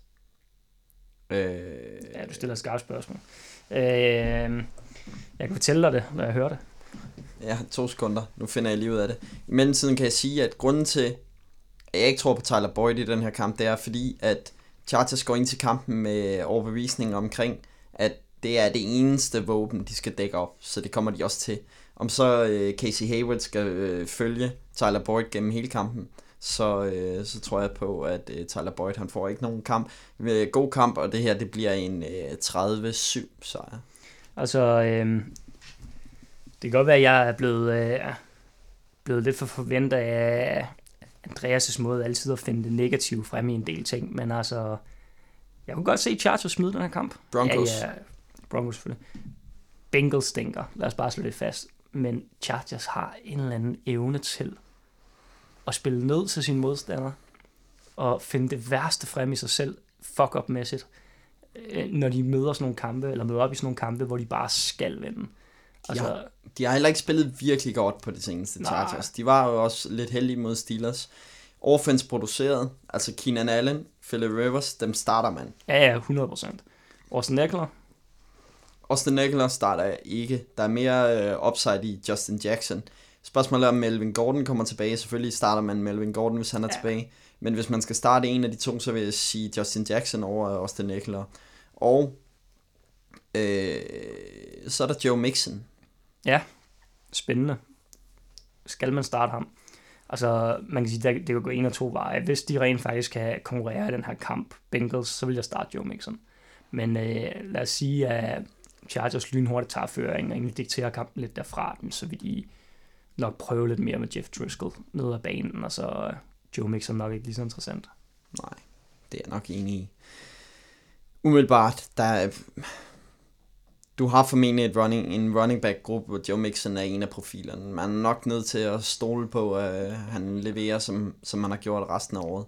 Så derfor vil jeg nok også starte ham som udgangspunkt, men mm, hvis du er rock solid på den running back position, så vil jeg nok søge anden vej. Jeg vil også sige, hvis man er stacked og har alternativer, så, så se bort for Joe Mixon. Så er det Cardinals Lions. Spændende kamp, Ja, for at sige det, seriøst. det, det, det er virkelig en, vi, vi alle ser frem til. Så øh, ja, hvad skal man tro på den? Cardinals slog jo pludselig Packers, men øh, var det mere Packers, der gerne ville tabe en kamp, end det var Cardinals, der ville vinde den kamp? selv i en kamp, hvor Cardinals slår Packers, er de jo ikke virkelig produktive Nej. på offense. Jeg, jeg tror på David Johnson i den her Ja, kamp. som vi har været tidligere, David Johnson, han er det værd, men øh, altså Rosen, Bust, øh, Larry Fitzgerald, eneste target. Jeg, hvis jeg havde andre receiver også, så ville jeg heller ikke sta- starte Fitzgerald. Øh, på den anden side af bolden, er sgu ikke nødvendigvis heller synderligt imponerende. Altså, jeg tror på, Jeg starter Kenny Golladay. Ja, det er så min prediction. Jeg, jeg vil ikke starte Golladay. Han spiller over, Patrick, over for Patrick Peterson i den her kamp. Han er det eneste våben, bund og grund, i, i Lions. Det kommer til at blive en hård kamp for Golladay og for Matthew Stafford, så jeg vil heller ikke starte Matthew Stafford. Jeg vil heller ikke starte Matthew Stafford, men jeg vil starte Kenny Golladay, fordi Golladay... Jeg synes, jeg synes ikke nødvendigvis, det er negativt at være det eneste våben. Nu taler jeg godt, taler jeg godt nok imod min uh, Tyler Boyd. Men jeg siger bare, når de ikke har andet, så kommer de til at kaste bolden til ham 15 gange i kampen. Så skal han jo nok være fri på nogle plays. Men det er Patrick Peterson. Det er Patrick Peterson, men øh, som, du, som vi skrev om, eller som du skrev til mig, inden vi optog den her podcast, der findes ikke rigtig shutdown corners i ligaen. Nej, det er i hvert fald, man kan også sige med alle pass interference regler og hvad end, man har tweaked på i sit sport, det er også bare svært at være en shutdown corner. Øh, jeg vil sige det på den her måde. Hvis jeg har Golladay i weekenden, og Say Jones han er ledig, så starter jeg Say Jones over Golladay. Alright, interessant. Jeg starter Golladay over Say Jones. Og Golla- Golladay er for god til at, til at bænke. Ja. Steelers Raiders. Interessant opgør. Ja, jeg, har, jeg har øh, virkelig en dårlig fornemmelse omkring den her kamp. Derfor siger jeg også, at man starter Derek Carr. Man kan sige, det, det, det som I desværre ikke kommer til at høre, det er, at øh, fordi det bliver klippet ud, øh, går jeg stærkt ud fra, men øh, Frederik var nødt til at rejse sig og gå på toilettet med det, det hele. Der gav jeg en meget, meget, meget intensiv analyse af Steelers Raiders opgøret. Øh, men det kommer I desværre ikke til at høre. Øh, så det jeg kan sige, det er, at øh, jeg starter Samuels mod Raiders. Jeg bænker Samuels, fordi Steelers running offense har ikke fungeret i snart fem uger. De kan ikke løbe bolden af en eller anden mærkelig årsag, selvom de har en virkelig god linje. Og det bliver jo ikke bedre af, at Samuels kommer ind over James Conner. Jeg tror også, Samuels kommer til at spille en rolle i, i kastespillet, men jeg tror ikke, det er nok til, at han er værdifuld at starte. Jeg ser øh, et eller andet sted i det skjulte af en James Conner, der har været træt de sidste par uger, og han har manglet et eller andet, om det har været en gnist, eller om der har været energi, det skal jeg ikke kunne sige, men øh, Samuels, han kommer ind og har virkelig muligheden for at bevise sig selv nu. Så er Raiders defense også bare heller ikke mere solidt. Nej. Så øh, jeg kunne sagtens se, kommer de lidt foran, så skal han nok få sine carries. Jeg starter resten af Steelers øh, offense minus Big Ben. Jeg er skeptisk over for Big Ben på udebane. Han har ikke set super skarp ud de øh, seneste par uger. Laver altid nogle øh, katastrofale fejl. Jeg kan sagtens se det ske igen i Oakland. Jeg er skeptisk over for ham, men jeg starter AB. Jeg starter også Juju, selvom Juju også er gået lidt i stå. Jeg starter også Vance McDonald mod Raiders. Hvad hvis du har Jesse James? Starter Vance McDonald over Jesse James. Han er en... Øh, Hvis nu du sidder i en situation, hvor det er en anden, der har Vance McDonald, du har Åh. Jesse James. ej, øh, der må være bedre tight ends. Jeg synes, det er tight end markedet, det er med mig skrabet efterhånden. Ja, men det er det også, det er det også. Men jeg starter Derek Carr. Starter simpelthen Derek Carr. Starter også Doc Martin. Jeg tror ikke, Derek Carr han kommer til at have Joe Hayden meget bagefter. Det tror jeg ikke, fordi Steelers øh, er utrolig dårlige i øh, turnover differential. De er minus over 10, tror jeg. Øh, de forser ingen turnovers på, øh, på forsvaret, og øh, ja, det betyder, at Derek Carr han får en god kamp, og det gør Doc Martin også. Han har set det skarpt ud de seneste par uger. Det må man sige. Jeg vil også starte Doug Martin. Vikings Seahawks. Det er jo nok i virkeligheden den mest interessante kamp i den her uge, vi går ind i. Øhm, men som jeg har sagt flere gange, fra fantasy-perspektiv er det pisse irriterende, når det er en mandagskamp. Især hvis du ikke har nogen spillere i den kamp, hvor din modstander har. Ja, det er Så vil du bare sidde og vente på din skæbne. Så, øh, men med det sagt, altså Seahawks, de er i hvert fald øh, tilbage i øh, playoff-sammenhæng. Vikings lever stadig i playoff-sammenhæng. Så det er en kamp, der har stor betydning for begge hold. Øh, det er Seahawks på hjemmebane, det er mandagskampen, som sagt. Og jeg synes, vi begynder at se nogle ting for Seahawks, der taler for, at man godt kan starte en Russell Wilson. Starter Russell Wilson. Du kan måske, hvis du er rigtig fræk, starte, er det David Moore, han hedder, hans nye favorit-target. Ja. Tyler Lockett vil jeg også starte. Tyler Lockett. Doc Baldwin. Oh, Doug Baldwin er jeg mere, faktisk mere skeptisk overfor. han har ikke været virkelig, virkelig god. Og han har stadig sin groin injury, så det er sådan lidt... Og det er også bare, touchdowns, de kommer fra Lockett og David Moore, de kommer ikke fra Doc Baldwin. Mm. Og jeg tror ikke, der er nogen af dem, der kommer over 100 yards, så det er meget afgørende på, på touchdowns. Ja, Og øh, der er jeg også mere hype på, på de to andre, end jeg er på Doc Baldwin. Ja. Jeg siger, man starter ikke nogen af deres running backs. Det er simpelthen den værste situation, de er i lige nu, Seahawks fra et fantasy-perspektiv. Chris Carson, øh, Richard Penny og øh, Mike Davis splitter carries, og det, det, det er bare ikke holdbart i fantasy. Som vi øh, har talt om flere gange, man skal altid holde sig langt væk fra running backs, der er på et hold, hvor man kører carry, carries by committee. Det er simpelthen altså forfærdeligt i sådan en fantasy perspektiv. Bare, jeg kan huske alle de første år med Devonta Freeman øh, og Tevin Coleman.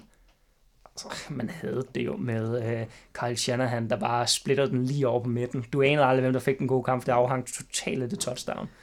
Det gode eksempel med Seahawks er i weekenden, Rashad Penny havde øh, et, øh, en produktiv kamp fantasymæssigt, men han havde 6 eller 7 carries, og det hele blev reddet af et touchdown. Øh, gå nu bare med Rashad Penny og giv ham alle carries. Ja. Altså. Øh, omvendt på Vikings-siden, altså Kirk Cousins er ikke god i, i, de, i de store kampe. Han leverer ikke, når, når alle har øjnene på ham. Og derfor siger jeg også, du binker også Adam Thielen i den her uge. Ja, jeg vil sige det på den her måde. Øh, nu sagde du selv tidligere, at det ikke nødvendigvis skidt, øh, at der kun er et target, og Dix er jo stadig, han har noget med sit knæ, der hæver op, så han er stadig sådan lidt week to week. Han spillede godt nok i weekenden, men, men står stadig som questionable på det nye injury report, og kunne stadig godt øh, ja, være game time decision, når vi når til kampen. Så det kunne pludselig godt efterlade filen sådan relativt attraktiv. Øh, selvfølgelig er der også Kyle Rudolph, han bliver helt sikkert start. Men øh, filen, han foreslår at starte hos mig. Dalvin Cook. Det mærkelige er med Dalvin Cook, at han ser virkelig god ud, når han får carriesne. Mm. Men lidt ala, som vi talte om tidligere med, hvem var nu øh, den anden running back, som... Øh, når jeg, øh, eksempelvis Aaron Jones, ikke? De er gode, når de løber bolden, men de løber ikke bolden nok. Og det kommer de heller ikke til i den her kamp, tror jeg. Men det er også det, jeg er også, altså jeg er også skeptisk over for Dalvin Cook, især i hele den her sæson, og det er øh, mest forfærdeligt er, at Dalvin Cook er godt nok også blevet draftet i første runde af rigtig mange, mm. da den her sæson gik i gang. Øh, videre med mig synd. Øh, jeg tror heller ikke, det står på, på Dalvin Cook. Men jeg tror på Phelan, jeg tror heller ikke på Cousins. Så øh, Phelan og Kyle Rudolph, det er mine to bud på en Vikings-spiller, du kan, kan starte. Men så vil jeg sige det på den her måde. Du kan godt starte Seahawks defense. Seahawks defense, kan man starte Vikings defense? Ja, det er som jeg er skeptisk overfor. Det er jo ikke fordi, de har et dårligt defense, men øh, jeg synes bare, der er mere, der taler for, at det er en kamp Seahawks der. Og som du selv nævnte tidligere på den store scene, Kirk Cousins, han er 5-23 mod, mod hold med winning record nu.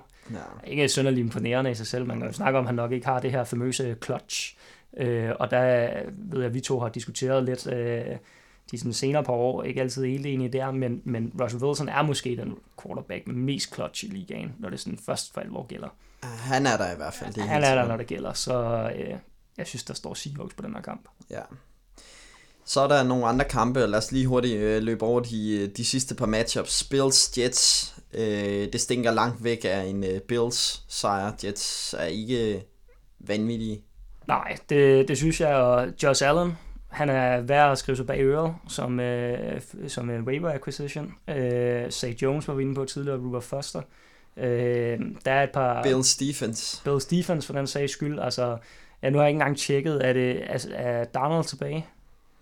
Øh, han er også øh, questionable. Okay. Ja, jeg vil sige, medmindre han er tilbage, så, så er Bill Stephens virkelig attraktivt at hente derind. Så, så det vil jeg gøre.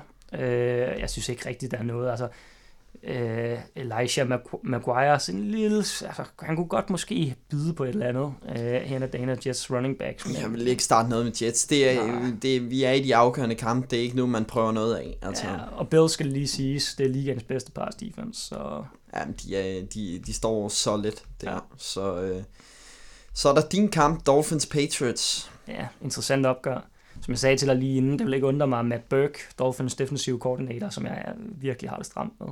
Øh, han møder formentlig op og har game preppet ned til mindste detalje på Julian Edelman og på Ron Gronkowski, hvis han spiller, og på Sonny Michel og sådan noget. Øh, så han har selvfølgelig så for at sætte de rigtige på der. Så det kunne godt være en kamp, hvor Chris Hogan og Rex Burkett bare får en monsterkamp. Rex Burkhead er også interessant, fordi på trods af, at de har så mange running backs, som skal i spil, James White, Sony Michel, så fik han stadig en, en del at arbejde med, mm. og det tror jeg kun bliver increased. Han skulle lige spilles i gang, det var hans første kamp efter skaden. Jeg tror, han kommer til at spille en vigtig rolle med Dolphins. Ja. Og hvis han bliver brugt som sådan en satellitback, der bare skal have den lige hen over linjen på den anden side, så er der meget til at for, at det godt kunne blive farligt. Uh, Dolphins middle linebacker, uh, Raekwon McMillan, giver simpelthen så mange passing touchdowns op. Uh, en af de ringeste linebackers på statssiden, eller man skal sige det. Hvilket jo også gør James White interessant. Det gør faktisk også James White interessant. Uh, men James White kunne jeg bare godt forestille mig. Ham har de preppet på, så der er sådan noget kontrol omkring det. Det er Chris Hogan eller Rex Burkhead, der det lugter af. Stadig bank Tom Brady selvfølgelig. Så er der Saints Bucks. Ja, hævnopgør for Saints side, eller samme øh, situation som U1? Du starter jo alt Saints. Du starter alt Saints. Det, oh. det, det kan vi hurtigt slå fast. Jeg har skrevet Keith Kirkwood ned, wide receiver for Saints. Uh, han har touchdowns i de seneste to kampe. Han har kun to catches i de seneste to kampe. Men jeg siger bare, hvis uh, det her det bliver en high scoring game, som alt lugter af, fordi Bucks de lukker ikke noget ned, uh, så kommer han til at få et touchdown igen. Så i de dybere liga er han meget interessant. Enig. Jeg kommer med en bold prediction. Det er du glad for? Ja. Øh, Dick Cutter, han husker, øh, hvor vanvittig Fitzpatrick øh, var mod Saints U1, så han kommer på banen. Ja, det er i hvert fald bold. Fordi James Winston har også set god ud på det seneste. Jeg vil alligevel være skeptisk over for ham, fordi Saints defense har virkelig spillet godt på det seneste. Øh, men i hvert fald gå alt Saints. Ja, enig. Broncos 49ers, der er et par interessante spillere der. Du starter i hvert fald Philip Lindsay. Ja, Lindsay er bare... Han er, han er lock. Ja, det er altså, han. det, øh, vi snakker om, øh, han måske kan blive Offensive Rookie of the Year. Undrafted free agent. Det er, det er imponerende. Ja, det være vildt. I um, en uh, rookie draft, hvor der blev taget så mange quarterbacks. Ja, lige præcis. Så øh, der er bestemt noget der øh, at, at komme efter. Så er der Cortland Sutton, som har set virkelig god ud på det seneste. Han får... Øh, Emmanuel Sanders er jo deres øh, første mål, kan man sige, men han spiller meget i slotten, så det er Cortland sådan på, på ydersiden, og han har set det rigtig godt ja, ud på det seneste. Jeg skal også lige til at sige, det er nok de to, jeg faktisk vil starte, Cortland Sutton og Philip Lindsay, hvis jeg skal starte to for Broncos. Øh, jeg er ikke sikker på øh, Emmanuel Sanders. Øh, og lad være med at starte Rolls Royce og ja. alt det andet, der er mulighed for, og heller ikke, øh, heller ikke Case Keenum. Jeg vil også starte Emmanuel Sanders dog. Men øh, for den Niners, der er endelig lidt positivt at tale om. Dan- Dante Pettis har set virkelig god ud øh, de seneste par uger. De mangler jo også øh, både Pierre Garçon og øh, Marquis Goodwin har, har deres problemer, så de er tvivlsomme til kampen. Dante Pettis har touchdowns i, tre touchdowns i de seneste to kampe. Han er interessant. Han er rigtig interessant. Chris Harris er skadet nu. Øh, de har hentet Jamar Taylor ind, gammel Dolphins-mand, også ved Browns Chargers, var det omkring. Øh, han lukker i hvert fald ikke ned for Dantes Betis. Øh, så det man kunne forestille sig, det skal ikke kunne sige det, men, men hvis der skulle være noget, så er det måske Broncos, der smider øh, Bradley Roby ud øh, på ydersiden i stedet, men altså han er, han er en nickel corner, så det kommer heller ikke til at fungere. Så det kunne godt blive en god kamp af Dante Betis, det her. Så er der Redskins Giants, det er den sidste kamp, som øh, de skriver jo ikke af noget, der er virkelig øh, sexet, kan man sige, men øh, Giants har set okay ud på offense de, øh, de seneste uger. Der, det, øh, det hele drejer sig selvfølgelig om Saquon Barkley. Øh, Odell Beckham havde også et kastet, touchdown i, i weekend mod Bears. Eli Manning, kunne man hente ham ind? Jeg vil sige, øh, Eli Manning, han er, han er den her øh, uges wildcard til et potentielt virkelig godt waiver pickup for en enkelt uge. Øh, og det er egentlig ved at kigge på den anden side af bolden. Øh, Redskins har egentlig et okay defense, men de er godt nok ramt på offense. Kun McCoy nu, ja, det var så det. Så nu er det Mark Sanchez. Øh, der kommer formentlig til at være rigtig meget, der går igennem øh, Adrian Peterson, så lad os bare hurtigt slå fast, lad være med at starte Adrian Peterson. Det bliver simpelthen for nemt at lukke ned for ham, for det, Jamen, vi, vi starter ikke noget Redskins offense. Vi starter ikke noget Redskins offense. Og, og det, det gør jo Giants defense interessant. Det gør Giants defense interessant, men det gør i virkeligheden også Giants offense interessant, for man kunne sagtens forestille sig, at der kommer til at være rigtig mange free and out situationer for, uh, for Redskins, som betyder, at deres defense kommer til at være rigtig meget på banen. Og man ser det bare hver gang, uanset hvor godt defense du har, hvis de pludselig er oppe og spillede bare altså 40 minutter af kampen, de giver op til sidst. Altså, de kan ikke blive ved med at lukke noget for det. De taber simpelthen pusten. Så det kunne godt gøre Eli Manning interessant, for han har både Sterling Shepard som våben, han har, øh, Odell Beckham, han har Saquon Barkley. Der er nogle våben at komme efter i, uh, i Giants. Så hvorfor ikke? Det var ugens matchups. Det betyder også, at vi er nået til afslutningen. Vi, øh, vi dropper at køre den her hurtige runde, for nu har vi jo lidt gået øh, alle matchups igennem. Men øh, det er nu. Det er nu, det gælder. Nu starter playoff i, i nogle ligaer, og i andre ligaer, så øh, starter det så først i, i næste uge. Men det er i hvert fald nu, det bliver afgjort, om, øh, om du er ind over og out. Øh, jeg er selv med i... Øh, jeg har sikret mig playoff i den vigtigste liga, hvilket er, så vil jeg sige, så er sæsonen allerede reddet. Øhm, men jeg har også mulighed for, for playoff i en anden, hvor jeg bare skal vinde i weekenden, så øh, det bliver interessant. Uanset hvad, så er det i hvert fald nu, det, vi, det er det, vi lever og under for. Det er, nu, det, det er nu, det kulminerer. Det er det. Men det er også nu, hvor øh, man allerede skal have, måske ringe og bestille en tid til psykolog, for det, der venter også en anden tid om, om 3-4 uger. Ja, og der venter måske nogle virkelig hårde nederlag, hvor, hvor det også kræver psykolog at komme over det igen.